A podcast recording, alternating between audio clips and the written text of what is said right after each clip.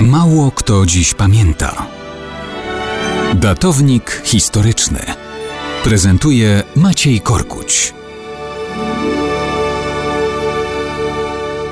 Mało kto dziś pamięta, że 1 grudnia 1016 roku królem Anglii został Kanut Wielki, młodszy syn duńskiego władcy Svena Widłobrodego. Najprawdopodobniej przez matkę Sygrydę, czyli Świętosławę, był to wnuk naszego Mieszka I i siostrzeniec Bolesława Chrobrego. Anglia wcześniej była rządzona przez nieporadnego króla Ethelreda, który zapisał się w historii przydomkiem The Unready, co tłumaczy się jako bezradny, gnuśny, nieporadny. To ten władca wykupił się od najazdów z Danii, płacąc Duńczykom olbrzymie sumy w srebrze i złocie.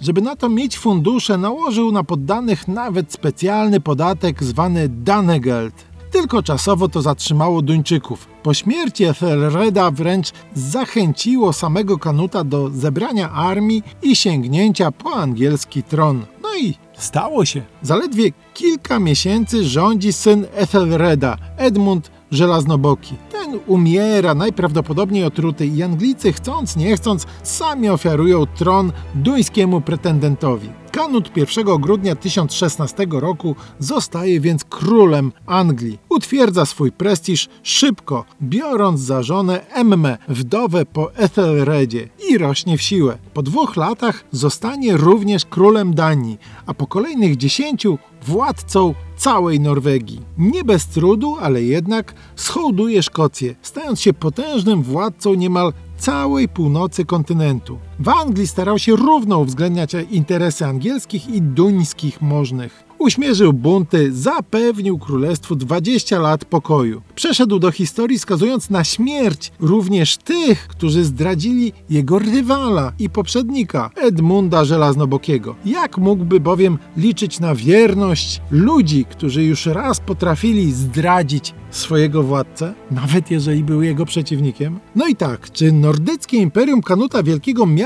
szansę przetrwać dłużej? Hm, Niestety, po jego śmierci dość szybko okaże się, że nie ma na to najmniejszych szans.